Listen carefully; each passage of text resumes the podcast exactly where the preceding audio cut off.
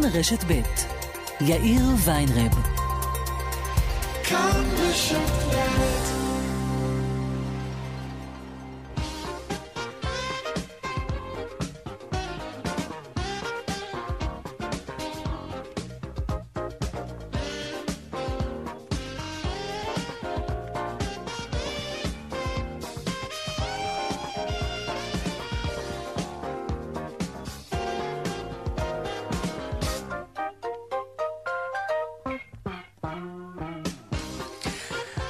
שלום רב לכם, ארבע וחמש דקות, כאן צבע הכסף ברשת ב', יום שני. עורך התוכנית רונן פולק, אורנה ברוכמן, מפיקה היום בצבע הכסף.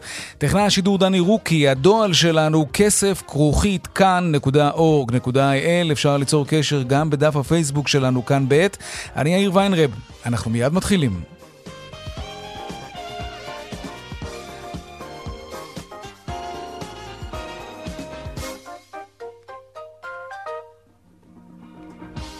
פותחים בחותרות צבע הכסף ליום שני, דיוני קבינט הקורונה. שלום יואב קרקובסקי, ראש התחום הפוליטי. אז uh, מהן ההחלטות שהתקבלו? מה ייפתח? מה יישאר סגור, יואב? אז קודם כל, uh, ראש הממשלה בנימין נתניהו יאיר מגדיר את מה שנעשה היום בקבינט הקורונה, הקורונה הרמת הנדברקס של uh, ההקלות שאמורות היו לצאת אל הפועל. בראש ובראשונה רכבת ישראל, שאמורה הייתה לחדש את שירותיה מחר ואולי לקראת סוף השבוע. השירותים האלה יידחו בשבוע אחד נוסף לפחות. יכול להיות שפחות.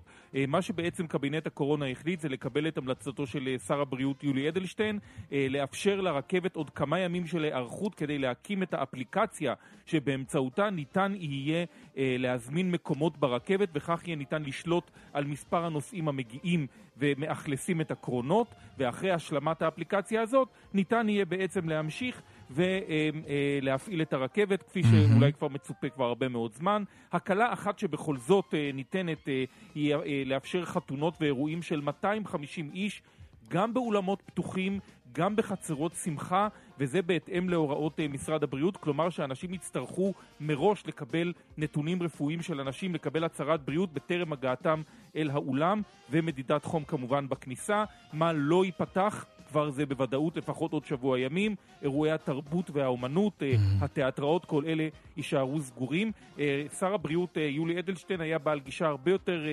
מתירנית מאשר זו כן. של מנכ"ל משרדו ושל סיגל סדצקי, ראש שירותי הבריאות, ונתניהו קיבל לרוב את עמדתם. דבר אחד עלה בקבינט הקורונה גם, זה חוק השב"כ, האיכון הסלולרי. הוא לא עבר במלואו. גורם כן. מעורה בעניין הזה אמר לכתבתנו גילי כהן, שבעצם לא, לא ראש הממשלה יוכל להכיל את מצב החירום, אלא הממשלה mm-hmm. כולה. אוקיי. אולי נשמע דברים של ראש הממשלה הנה. בנימין נתניהו, אם יש לנו. תודה, יואב. יכול להיות שאנחנו כבר בתוך המדד הזה של הכפלה תוך עשרה ימים של קצב הנדבקים. אני מקווה מאוד שלא. הדבר שהחלטנו לעשות זה קודם כל להרים הנדברקס, ואנחנו עצרנו את כל ההקלות שהיינו אמורים להכיל אותן בימים הקרובים, נבדוק את זה בשבוע הקרוב. יוצא מן הכלל אחד זה אולמות אירועים, נאפשר את הפעלתם בהתאם להנחיות משרד הבריאות ונדווח לכם בהמשך. יואב קרקובסקי, טוב, תודה רבה על העדכון הזה. ומה קורה ברכבת? שלום שרון עידן, כתבנו לענייני תחבורה. יש, יש כבר מועד לפתיחה? לא, לא, אין מועד לפתיחה, ואנחנו קצת בשידור חוזר אפילו, הייתי אומר, מאתמול. תראה, יאיר, בסופו של דבר, הרכבת נדחית כבר בפעם החמישית. אני מזכיר שדובר על פתיחה היום, אחר כך לפי הודעה של שרת התחבורה זה אמור לעבור ליום רביעי. היום לאחר דיוני הקבינט וההקפאה, מה ששמענו מיואב עכשיו, אין מועד, בעצם אומרים שם שני דברים, קודם כל נראה לפי הערכת מצב, כמובן של התחלואה, הדבר השני, ניתן את הזמן לרכבת להתארגן מבחינת באמת התארגנות שלה על אותה אפליקציה, אני מזכיר שהרעיון הוא שיזמינו כרטיסים מראש לרכבות, ולעיתים גם לרכבות שצריך להחליף תוך כדי תנועה, יותר מרכבת אחת, בלאגן יחסית גדול, בוא נאמר כך, אפשר לומר בזהירות, עד אמצע יוני, כלומר עוד שבוע וחצי, שבוע מהיום כנראה, כן. אין רכבת בישראל. שרון עידן, כתבנו לענייני תחבורה, תודה רבה על העדכון הזה. רק חבל שאין מועד כמובן. דיון סוער גם uh, היום בוועדת הכספים של הכנסת סביב הצעת uh, חוק עידוד התעסוקה שמעניק תמריצים למעסיקים כדי שהם יחזירו את העובדים שלהם למקומות העבודה. בדיון סירב שר האוצר ישראל כץ לכל שינוי במתווה שהוצע, זאת למרות הביקורת שהוטחה במתווה הזה ובהחלטות שהתקבלו שם, שזה עשוי להיטיב בעיקר עם העסקים הגדולים, אלו שלא בהכרח צריכים את המענקים האלה. בשיאו של העימות האשים חבר הכנסת ניר ברקת את חבר מפלגתו כץ שהוא לא בא להקשיב ולא בא לשמוע את מה שיש למתנגדים להציע. הנה קטע מהדיון הסוער שהתקיים היום בוועדת הכספים של הכנסת. היעד הראשון... רגע, נו, גם אנחנו רוצים... אבל אני... בבקשה. בבקשה. זה הכללים. אז הדבר- הדבר הראשון שאמרתי, שאחוז האימפקט של של הפרויקט הזה... אדוני השר, אתה רוצה שאני... אוקיי. לתמוך, אני מצטט לתמוך. זה רק התחלתי להתחבר. אבל חברי קואליציה, אני מבין את זה. אבל גם גם קואליציה. שהחוק הזה- אדוני, חדשים. הוא מה שהביא את העובדים. כבוד השר, אנחנו מה... אדוני, הממשלה, אבל אנחנו חותמת גומי. אדו- אדוני, אנחנו חברי כנסת. אדוני שר.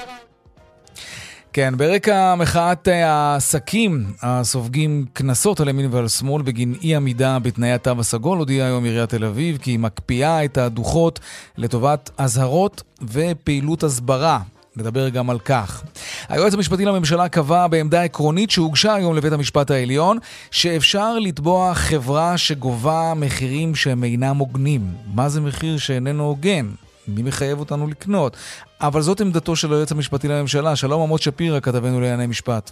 כן, שלום יאיר, עמדתו של היועץ המשפטי לממשלה נוגעת לתובענה ייצוגית נגד המחיר הגבוה שגובה קוקה קולה על בקבוק ליטר וחצי, אבל למעשה זה נוגע לכל מצב שבו מונופול גובה מחיר גבוה ולא הוגן על מוצר שהוא משווק. ואומר היועץ המשפטי לממשלה בעמדתו העקרונית הזו, כי כן, הגיעה העת להכריע בסוגיה הזו שנוגעת לדיני התחרות ולקבוע גם איסור על גביית מחיר בלתי הוגן על ידי מונופול, אבל בגלל שיש לך קשיים לא מעטים, כמו העובדה שיש כאן התערבות במנגנון השוק החופשי, או כמו החשש שאכיפת האיסור הזה יכולה להידרדר לשרירותיות, סבור היועץ כי יש לנקוט כאן זהירות יתרה, מה גם שיש למדינה כלים להתערבות במחירים, כמו המנגנון של פיקוח מחירים מראש, ולכן הוא מציע, הוא מציע היועץ מבחן משפטי דו-שלבי ליישום מהמם. עילת המחיר הגבוה והבלתי הוגן, ובכל מקרה יידרשו אינדיקציות רבות ככל האפשר על מנת להגיע לקביעה שאכן מדובר במחיר מופרז ולא הוגן ביחס למחיר בשוק תחרותי.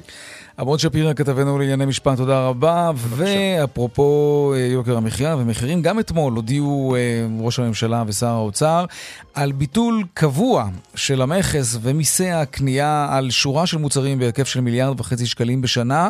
באיגוד לשכות המסחר מברכים, אבל באיגוד תעשיות הטקסטיל תוקפים את ההחלטה ואומרים, שימו לב, שהממשלה מעדיפה לייצר מקומות עבודה בטורקיה או באסיה.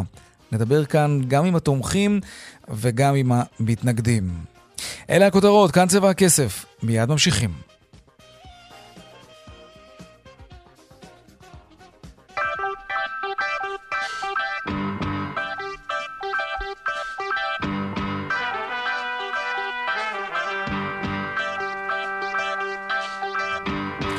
אז פותחים, כמו שהזכרנו, בדיוני הקבינט, קבינט הקורונה כמובן. הוחלט שם לאפשר אה, חתונות ואירועים באולמות שמחה עם עד 250 בני אדם, ככל הנראה בשטח פתוח, תוך שמירה על, על ריחוק חברתי כמובן. שלום לו- נועם לוי, יושב ראש התאחדות האולמות וגני האירועים, שלום לך. שלום לכם. מה אתה אומר?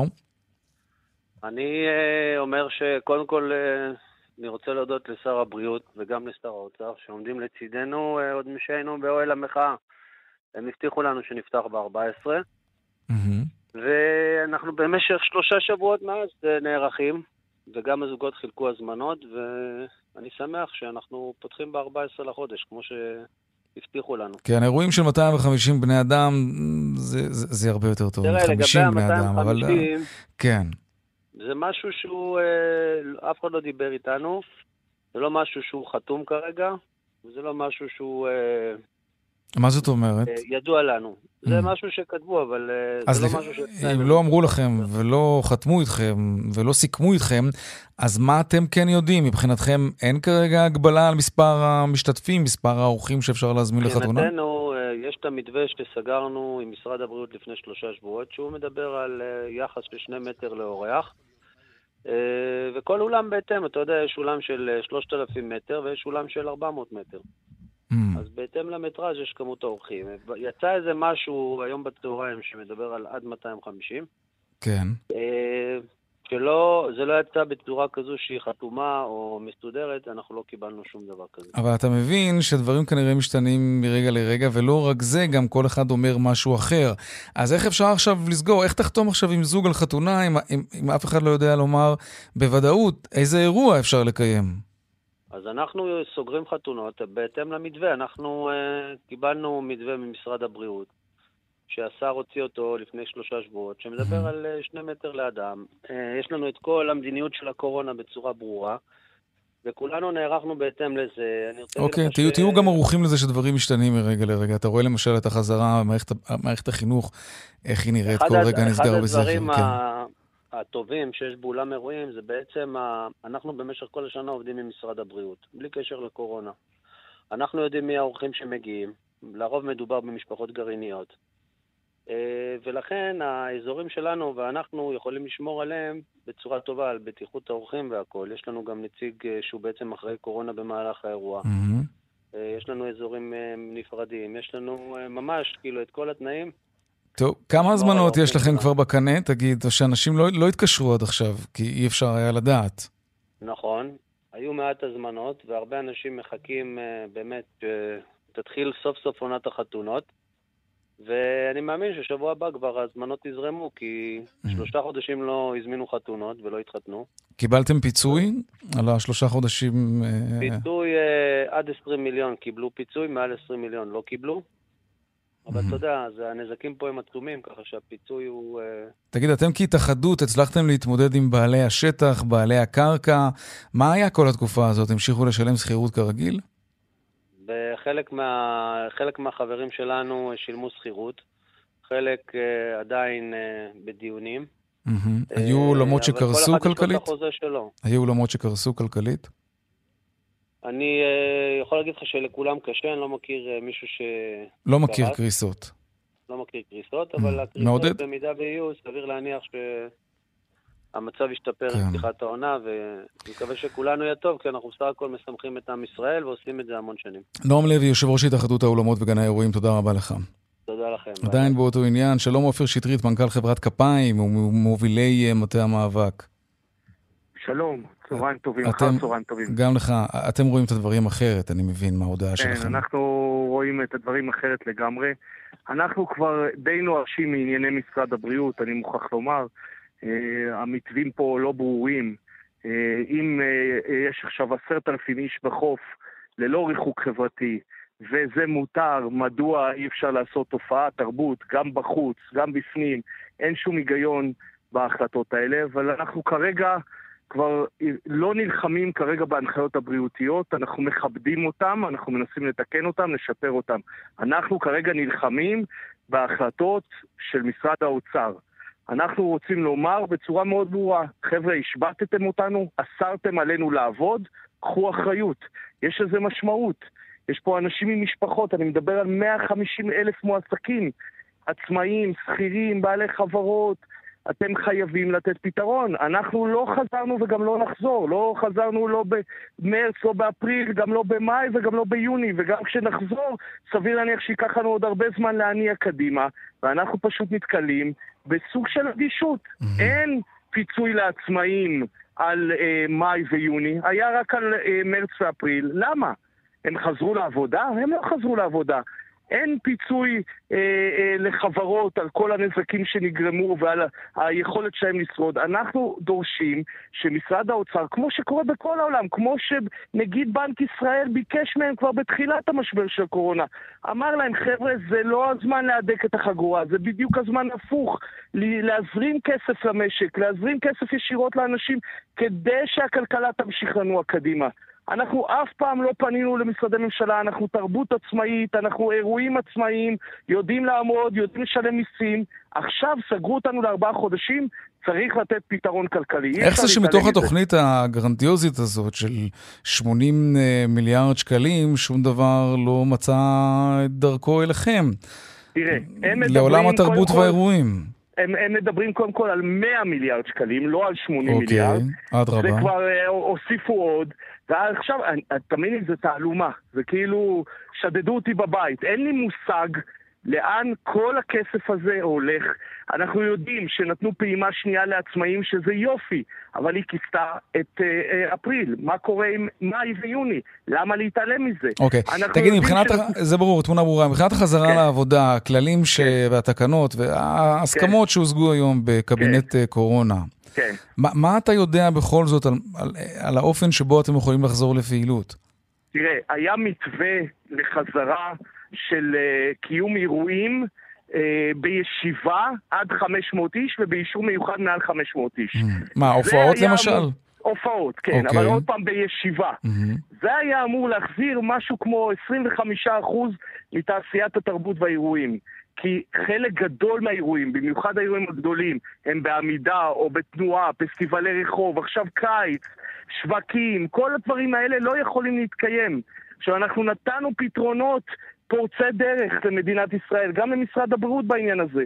לדוגמה, יש לנו יכולת לנטר במהלך אירוע כל אחד ואחד, ואז אם יש מישהו שבטעות חולה קורונה, אנחנו יודעים לדעת עם מי הוא הסתובב, איפה הוא היה בכל נקודת זמן. יש פתרונות טכנולוגיים מעולים לדבר הזה. אנחנו מנסים לקדם את זה עם משרד הבריאות ועם משרד התרבות, ואני מקווה שזה יניע משהו. כרגע ההחלטה של הממשלה היא לדחות את המתווה של ה-500 איש אוקיי. בישיבה בשבוע. בואו נראה אותם. עופר שטרית, מנכ"ל חברת כפיים ומובילי אה, מטה המאבק להצלת עולם התרבות והאירועים, תודה רבה לך. תודה רבה הזאת. לך. תודה. טוב, אה, עיריית תל אביב-יפו החליטה להקפיא את הקנסות שהיא נתנה לעסקים, אה, עסקים שלא עמדו בהתחייבויות שלהם, לתו הסגול. האם יש בזה משהו שעלול לגרום אולי לעסקים להגיד, אה, "אה, ככה? אין אכיפה? מעולה. ולהמשיך לא לקיים את ההוראות, ו- וזה צריך בעצם להטריד כל אחד מאיתנו שנכנס לחנות בימים האלה. שלום דניאל עזר, כתבנו באזור תל אביב. שלום יאיר. כן, אז מה עומד כן. מאחורי ההחלטה הזאת? אז תראה, בחודש שעבר, בחודש אה, מאי, עיריית תל אביב, אפשר לומר, כמעט לא אכפה בכלל את ההנחיות של התו הסגול של עסקים. כמה עשרות אה, בודדות של אה, קנסות חולקו במהלך כל החודש, 45, בעירייה טענו קצת יותר, לא עבר את המאה. שבוע שעבר, פתאום באופן אפילו סיטונאי, אפשר לומר, העירייה חילקה כ-650 דוחות לעסקים, הרבה מאוד מהם חנויות רחוב, כשחלק מהעסקים האכיפה לא הייתה יעילה, הרבה מאוד עסקים אה, קיבלו את הדוחות על עצם זה למשל שהם לא אה, תלו את השלט אה, שבו כתוב שנדרש לשים מסכה בכניסה לעסק, או על לקוחות שלא עטו מסכה בזמן שהם אכלו במסעדה. זאת אומרת, הנחיות שיותר הרבה מאוד עסקים הרגישו שפוגעים בהם, שהם לא באמת נועדו לשמור על אותם לקוחות. שהם גם לא יכולים כל כך לאכוף את זה, זה יש, יש כל מיני דברים שהם בלתי הגיוניים. נכון, אבל אה, עדיין יש דברים שכן אפשר בסמכות הפקחים אה, לאכוף, למשל אה, מספר של אנשים בחנות, האם אין חציצה כמו שמתבקש לפי הנחיות התו הסגול, הרבה מאוד הנחיות שהן בהחלט בעלי עסקים, כמו, כמו שאמרת, שמי שלא מקפיד עליהם, בהחלט יכול לסכן אותי, אותך וכל אה, בן אדם אחר כן. אה, שמגיע לחנות. הייתה ביקורת אה, מאוד אה, גדולה גם אה, מצד אה, עמיתתנו ליאס פילקין אה, בגל"צ, שנתנה את הבמה להרבה מאוד עסקים מדי יום אה, להשמיע את זעקתם, הרבה מאוד כאלה שבאמת אה, לא סגרו את החודש, שההכנסות שלהם אה, ירדו וקיבלו קנסות של אלף ואלפיים שקלים, והעירייה מבינה שהאכיפה הזו לא הייתה יעילה בהכרח, ולכן אה, היום היא באמת אה, עושה פניית אה, פרסה ומודיעה שלפחות אה, בימים הקרובים הם יחזרו למתכונת של הסברה ומתן אזהרות, מהמם. רק לאחר מכן אולי הם אה, ישובו לאכוף שוב. כמובן אה, זה תקף אה, אה, לעסקים אה, כמו שראינו, אבל מי שיחזור באופן אה, שיטתי על ההפרות ויראו שהוא מצפצף על ההנחיות, אז אה, לגבי אותם עסקים אה, אה, העירייה כן תיתן דוחות, אבל לפחות לכאלה שלא ידעו או, או כאלה שלא תלו שלט ורק בזה הסתכם העבירה, מהמם. אז לפחות כ- בשלב הזה להם העירייה. כן, צריך uh, גם את מידת הרחמים וגם את מידת ההיגיון כשמחלקים קנסות. דניאל אלעזר, כתבנו באזור תל אביב, תודה רבה לך. כן, דניאל? אוקיי. טוב, לעניין הבא שלנו, הממשלה החליטה אתמול לקבוע בחוק את, ה, את הפטורים האלה ממכסים וגם ממיסי קנייה, מה שהיה אה, עד היום באופן זמני, יהפוך עכשיו לקבוע, וזה אומר שלא תהיה, כמו שחששו, עלייה במחירים של מוצרי חשמל ומוצרים אחרים. יש החלטה, יש להחלטה הזאת השפעה ישירה כמובן על יוקר המחיה כאן בישראל. שלום עורך הדין אוריאל לי, נשיא איגוד לשכות המסחר. שלום רב. ושלום גם רמזי גבאי, יושב ראש איגוד אה, תעשיות הטקסטיל והאופנה בהתאחדות התעשיינים. שלום לשניכם. ערב טוב. נתחיל איתך, אוריאל לין. אה, כן. הקמפיין נגד העלאת מחירי מוצרי החשמל והאלקטרוניקה הצליח. תראה, זה בהחלט אה, לא שינוי, זה בהמשך של מצב קיים. הרי היו הפחתות של מכסים וגם מיסי קנייה, על פי מה שיזם בזמנו שר האוצר הקודם כחלון, והם עמדו לפקוע באופן אוטומטי ב-16 ביוני. והשאלה הייתה האם אה, הם מעריכים זאת, או שבאלף, סליחה, מעריכים זאת, או שזה פוקע. אם זה פוקע, משמעו דבר שהמחירים עולים, אנחנו מטילים מחדש אה, מכס שבוטל בזמנו, על שורה ארוכה מאוד של מוצרי צריכה לבית.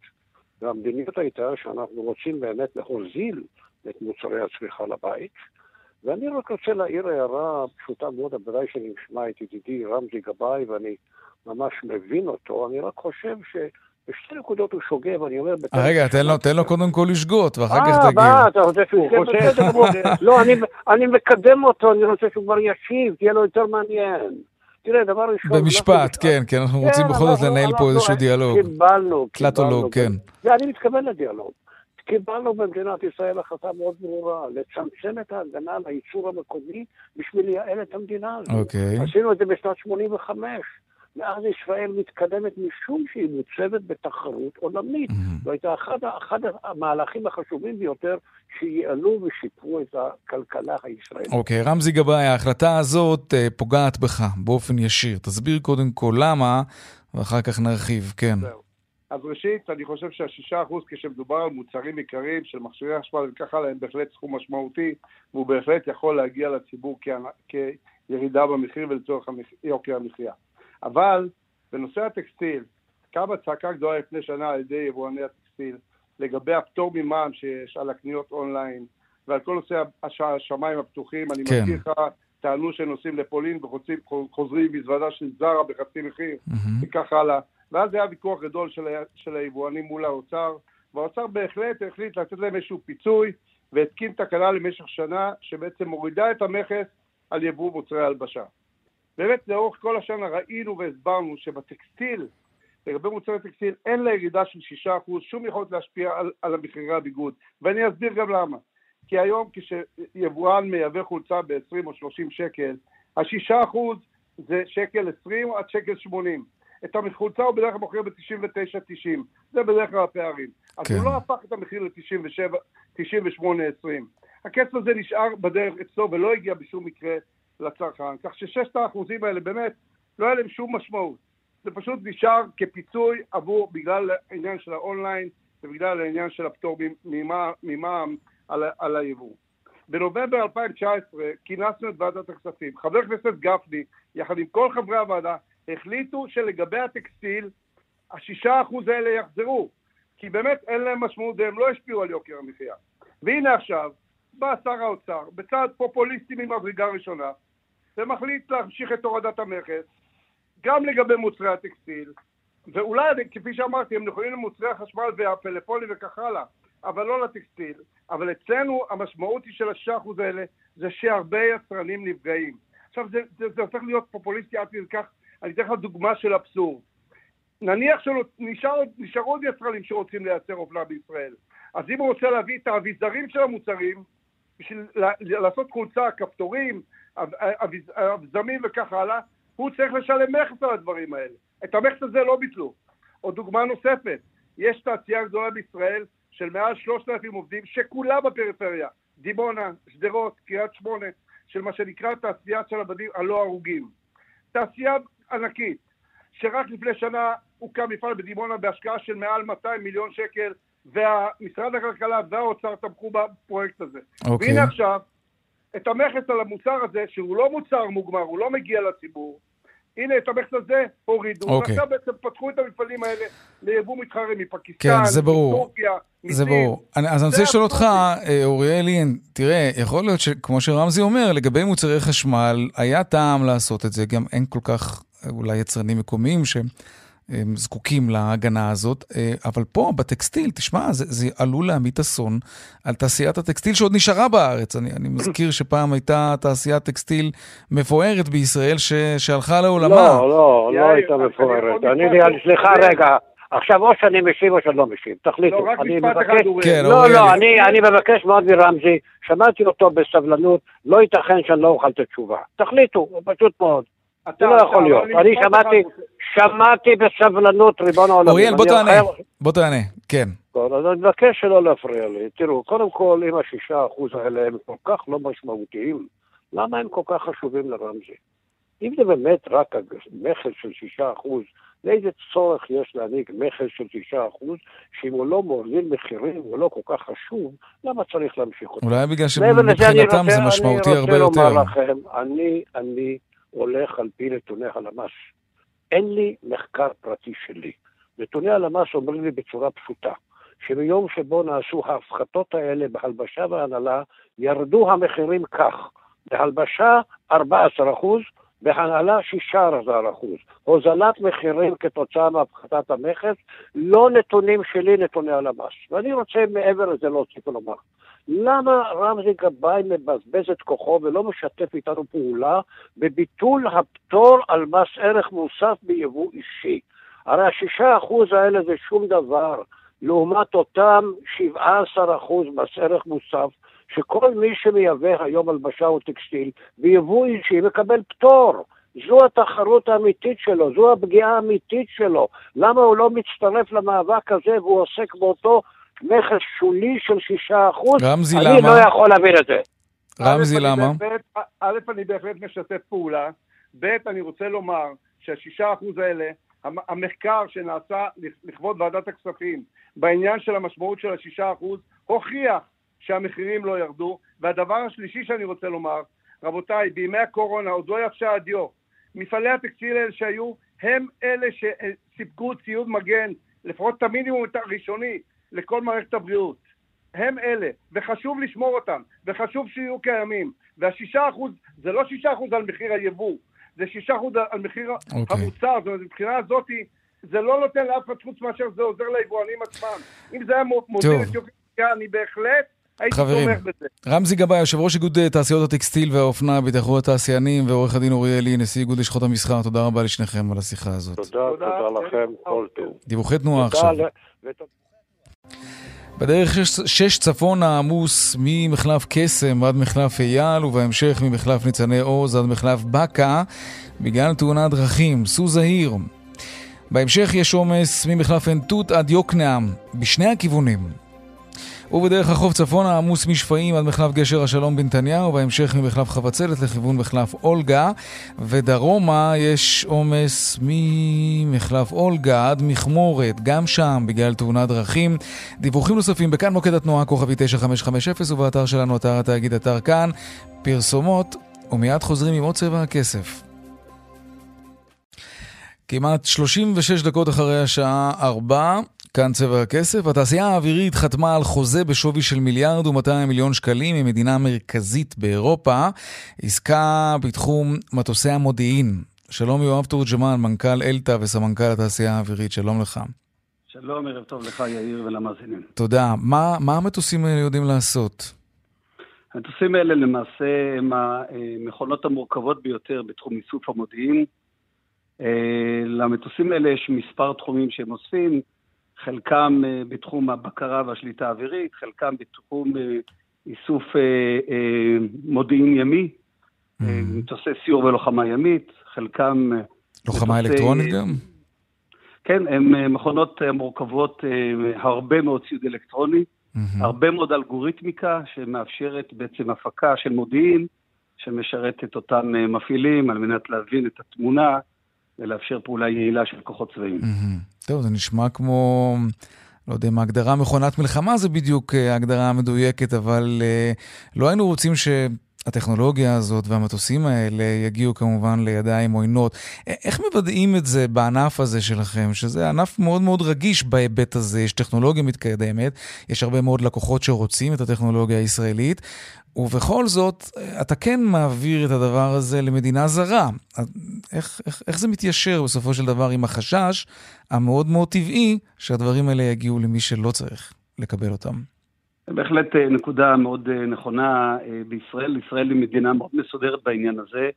יש גוף במערכת הביטחון שאחראי על פיקוח הייצור, הוא מוודא שהמערכות האלה הולכות רק למדינות שיש איתן הסכמי ביטחון, והן מדינות שמאושרות על ידו. אנחנו לא פועלים אף לא קצת רגע לפני שיש אישור מוחלט לעניין. כל עסקה עוברת את האישור של משרד הביטחון? כל עסקה שיש לה אספקטים ביטחוניים חייבת לקבל אישור. אבל ברגע שהמוצר מסופק, אה, תקן אותי אם אני טועה, אולי אני טועה, אבל ברגע שהמטוס הזה מגיע כבר למדינה זרה, אין, אין לנו כבר שליטה עליו, אנחנו לא באמת יודעים מה עלול לקרות, נכון? אה, ראשית, אה, אה, מכונות כאלה מתוחכמות, הן כל הזמן צריכות תמיכה וסיוע. אה, למשרד הביטחון יש אוסף של הסכמים עם מדינות, רק לאחר שיש לו הסכם שהוא יודע לשמור אה, על ביטחון המדינה וסודותיה, רק אז אה, מאפשרים לנו למכור. אה, חזקה עליו שגם הפעם זה נעשה, מדובר פה במדינה אירופית, שיש איתה הסכמים ו... ידידותית אני מניח, כן. בוא נחזור רגע אה, לפרשת מטוס הפלקון, כן, הלחץ האמריקני שהיה אז שלא נמכור את המטוס הזה לסין, זה היה ממש מזמן, אבל עכשיו נדמה שהאמריקנים הרבה יותר היסטריים ממה שהם היו אז לגבי סין, או אולי אפילו כמובן יותר מזה. את, אתם נמנעים מקשרים עסקיים עם סין למשל בגלל הלחץ האמריקני? לנו אה, כמפעל ביטחוני אין שום קשר עם אה, סין. אה, אנחנו אה, לא מקיימים איתם שום קשרים, לא, לא מסחרים ולא אחרים. למה זה? אה, בין היתר, אה, כי אה, הדברים האלה הם חלק מרגולציה, וברגולציה יש דברים שמותר לי ואסור לי. באופן עקרוני, השוק הסיני הוא לא שוק שאנחנו פועלים בו, אין לנו קשרים אמיתיים איתם, מה שהיה בעבר, היה בעבר. אה, נכון להיום אין לנו אה, פעילות משותפת איתם. אבל אתה אומר שיש רגולציה מסודרת וברור מה מותר ומה אסור. אסור לקיים קשרים כאלה עם סין? אני לא יודע, בתחום מטוסי המודיעין אנחנו לא פעילים אה, מול סין בעניין הזה. בגלל שאין דרישה סינית לטכנולוגיות שלכם, או שבגלל שיש הוראה לא לקיים איתם קשרים מהסוג הזה? אני לא חושב שהייתה פנייה מצד סין לעניין הזה, אני לא, לא יודע מה בדיוק הם עושים אה, בעצמם, אבל בסך הכל סין היא מעצמה עם יכולות אה, משל עצמה. ועדיין מתעניינת בטכנולוגיות ישראליות כל הזמן. הטכנולוגיה הישראלית מעניינת גורמים רבים, אנחנו כן. מגיבים רק לאותם גורמים שיש לנו היתרים לגביהם. אוקיי, תגיד, איך קורונה משפיעה על עסקאות בתחום הביטחון? יש, יש איזושהי האטה מסוימת, כי כל העולם עכשיו הוא נגד האויב אה, החדש, הקטן והבלתי נראה, או שזה לא משפיע בהיבט הזה? הצרכים באופן בסיסי לא מאוד השתנו. אה, מה שהשתנה זה היכולת להתנהל מולם. הרבה יותר קשה ליצור אה, מגעים, זו מדובר פה במערכת מאוד מורכבת, כן. עם כמעט אינסוף פרטים. אה, עסקה כזו, רק אחרי שסוגרים את אחרון הפרטים ניתן לחתום אותה. היה פה מאמץ מרוכז, תוך שימוש בכל המדיה האפשרית הדיגיטלית, כדי לאפשר להתגבר על אותן מכשלות בקרבה פיזית. כן. אנחנו עשינו את זה והצלחנו לחתום, בהחלט היה הישג ראוי לציון. יואב תורג'מן, מנכ"ל אלתא וסמנכ"ל התעשייה האווירית, תודה רבה על השיחה הזאת. Uh, טוב, הזכרנו את זה קודם, דיון סוער היום בוועדת הכספים, אבל ממש סוער, כולל ויכוחים לא פשוטים בתוך הקואליציה. חבר הכנסת ניר ברקת התעמת עם שר האוצר ישראל כץ, וזה לא הסכים אחר כך לחזור לישיבה. בקיצור, היה שם שמח. ועל מה הייתה המהומה? על אחד הדברים הכי חשובים עכשיו, החזרת העובדים למקומות העבודה, המתווה של האוצר לא מספיק טוב, צעקו לו לשר האוצר. בוא נשמע כמה צלילים, צלילים, כמה קולות, איך זה נשמע היום בוועדת הכספים. אבל אין דבר כזה... אתה מאיים על האזרחים עם פיליבסטר. אני לא מאיים, אתם מאיימים על האזרחים כי אתם הולכים לזרוק כסף לפח על חוק רע.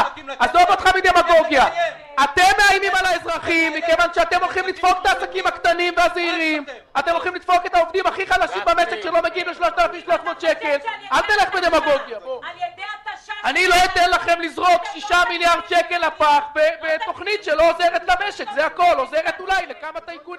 טוב, בעיקר רק נאמר, שמענו את חברי הכנסת ברקת וסמוטריץ'. שלום מירב דוד, סמנכ"לית לובי 99. היי יאיר. הביקורת מוצדקת? שישה מיליארד שקלים לפח? באמת? אה, לפחות חלק גדול מהם הולך לפח. כי תראה, מה זה לפח? תראה, מה, מה שקורה הוא שהצעת החוק נועדה להחזיר עובדים לעבודה.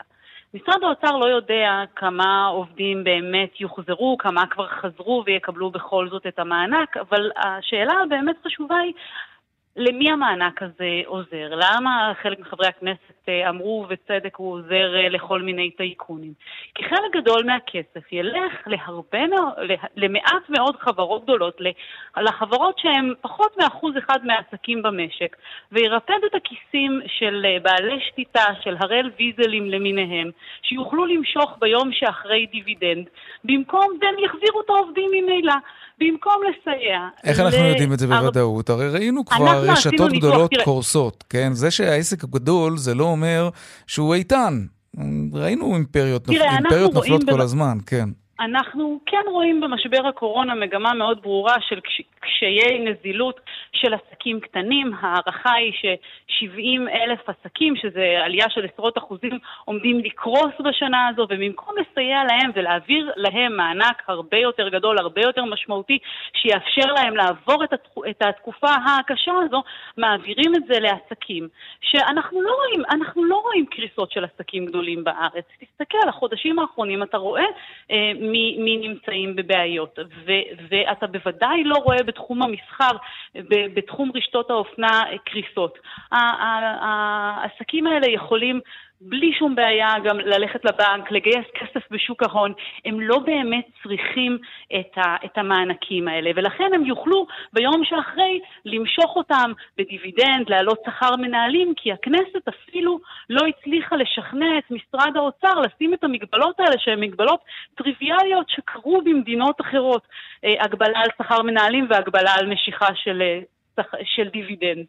כך שאנחנו רואים שהרבה מאוד כסף נשפך פה, ואני לגמרי מבינה את המוטיבציה של שר האוצר לעשות את המהלך הזה מהר מהרגע שהוא נכנס לתפקיד. העניין הזה של הדיבידנד זה מעניין, כלומר אין בעצם מניעה מאותם בעלי עסקים גדולים למשוך אחר כך דיבידנדים בשעה שהם בעצם קיבלו סיוע מקופת המדינה.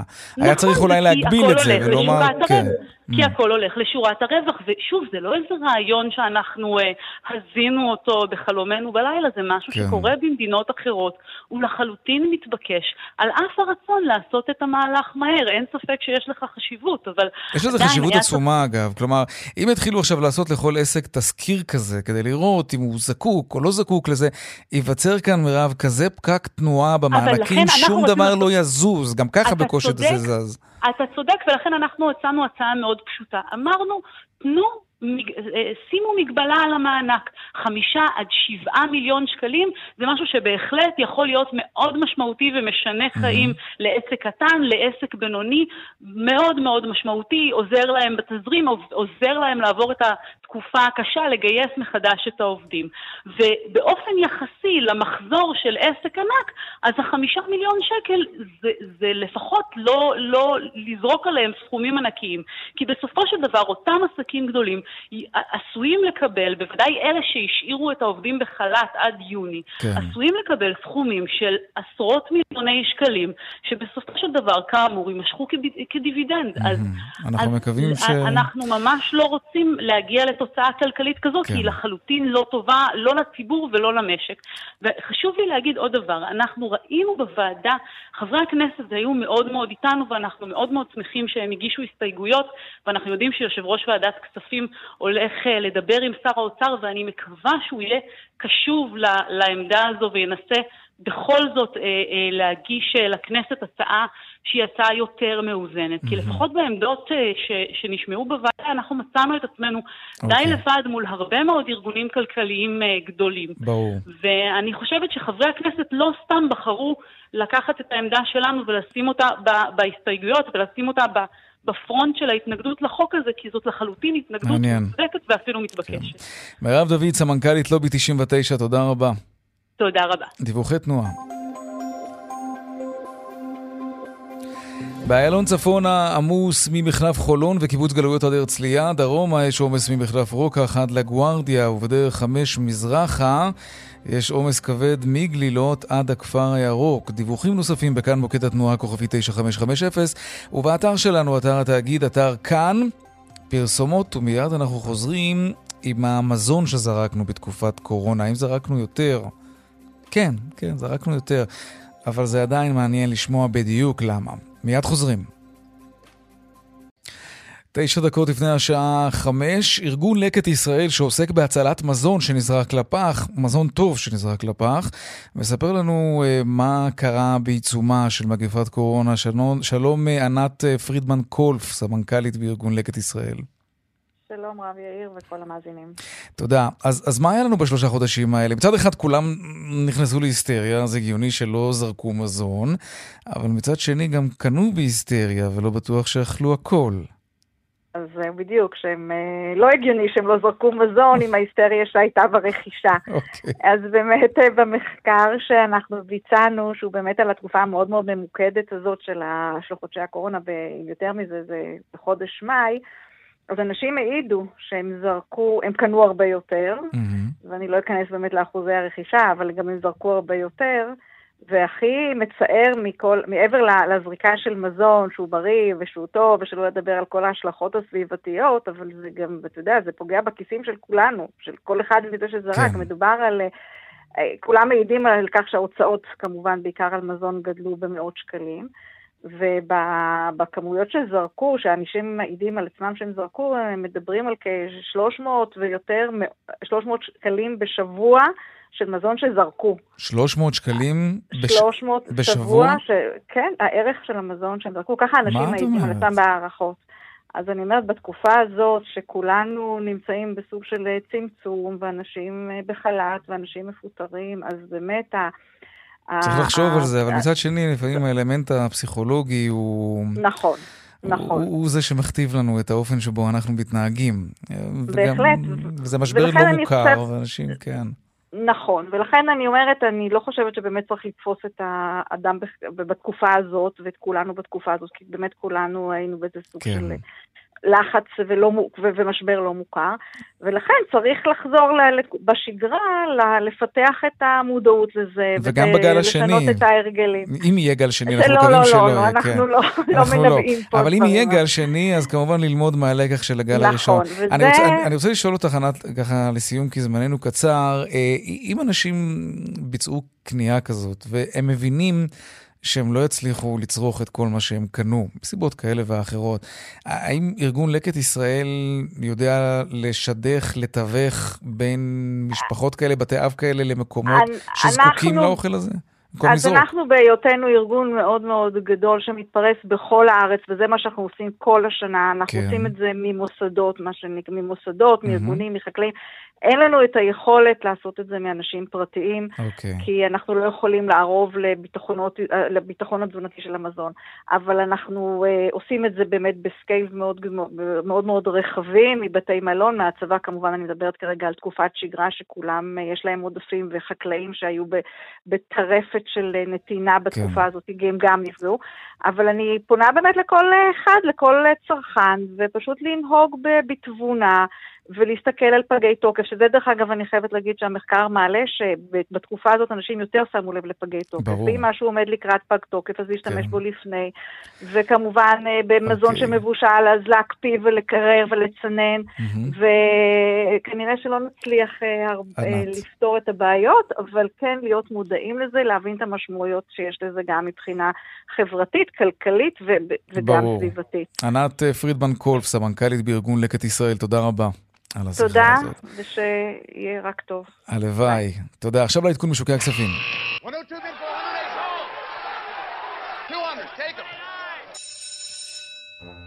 שלום רואה החשבון אמיר אייל, יושב ראש אינפיניטי. שלום יאיר, אחר הצהריים קצר טובים. היום לצערי, אחר הצהריים טובים גם לך. קולע, כן, תל אביב 35 עולה שני, חיכינו לזה, אתמול הייתה פשוט שביתה בבורסה, ברור. קיבלנו את זה היום, כן.